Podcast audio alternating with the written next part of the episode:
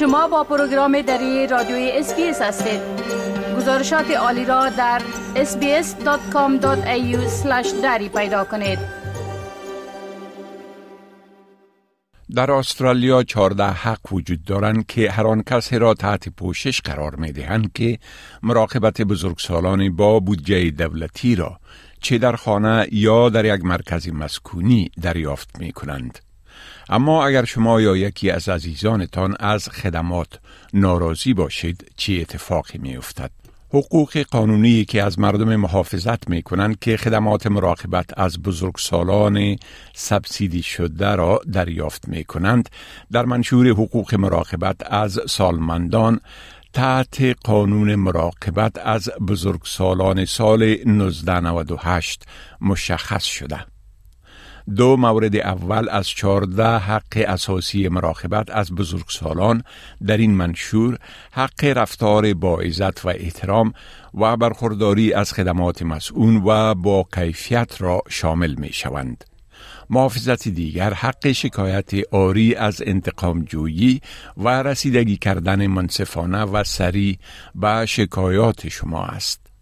کمیشنر جانت اندرسن رهبری کمیسیون کیفیت و مسئولیت مراقبت از سالمندان را که تنظیم کننده ملی خدمات مراقبت از بزرگسالان با هزینه دولت است به عهده دارد.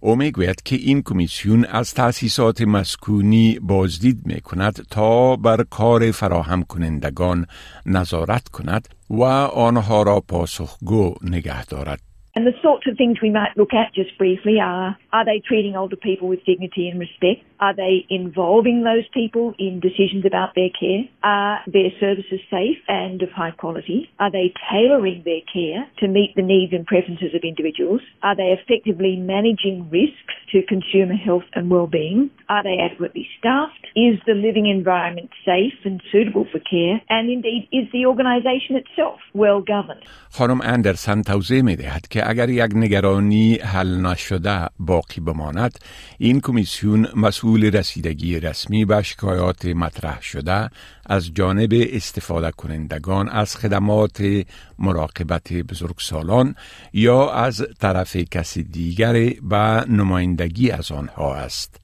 شبکه حمایت از اشخاص بزرگسال معروف به اوپن اطلاعات و خدمات حمایتی رایگان را به مردم مسن در سراسر استرالیا فراهم می کند.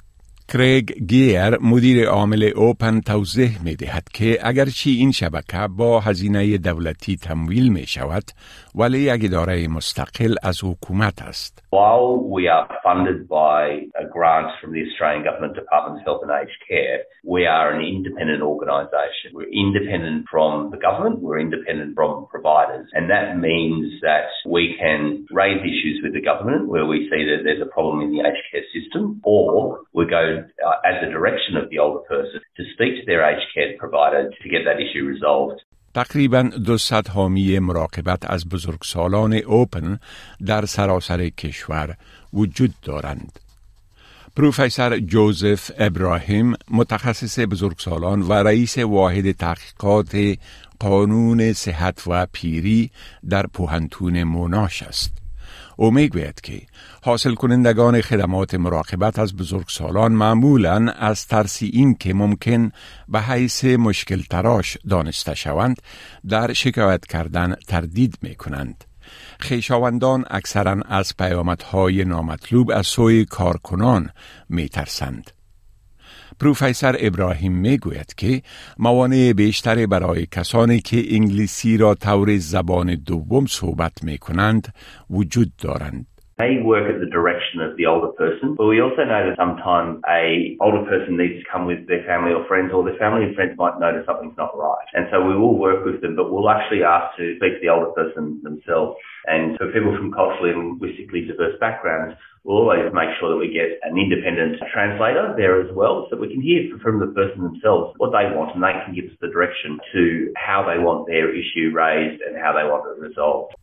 آقای گیر توضیح می دهد که این منشور همچنان از حق مردم مسن برای اطلاع از مراقبت های خود به نحوی که آنها بتوانند آن را درک کنند محافظت می کند. این حق شامل همه انواع خدمات مراقبت از بزرگسالان با بودجه دولت می شود. کمیشنر اندرسن می گوید حتمی نیست که شما دریافت کننده خدمات باشید تا شکایت رسمی را در رابطه با خدمات مراقبت از بزرگسالان با سبسیدی ارائه کنید. Individual receiving services can complain about some aspect of their care. Equally, uh, a family member, a relative, a friend, even possibly an aged care worker can lodge a complaint with us if they have concerns about some aspect of that care. کمیسیون کیفیت و مسئولیت مراقبت از بزرگسالان پس از دریافت شکایت هم با فراهم کننده خدمات و هم با شاکی درگیر می شود مگر اینکه شکایت به طور ناشناس ارائه شود خانم اندرسن می گوید که وقت موضوع حل نشده باقی می ماند در صورت لزوم کمیسیون از صلاحیت های نظارتی خود استفاده می کند. با این هم بعضی از اقدامات خارج از ساحه صلاحیت این کمیسیون است. Don't provide legal advice and we don't provide healthcare advice. If an individual is looking for guidance as to the healthcare that a particular aged care provider should be offering, they would need to talk to a clinician about that. We don't investigate the cause of death because that is in the jurisdiction of coroners and we don't get involved in staffing matters relating to the provider staff such as wages, terms and conditions of employment.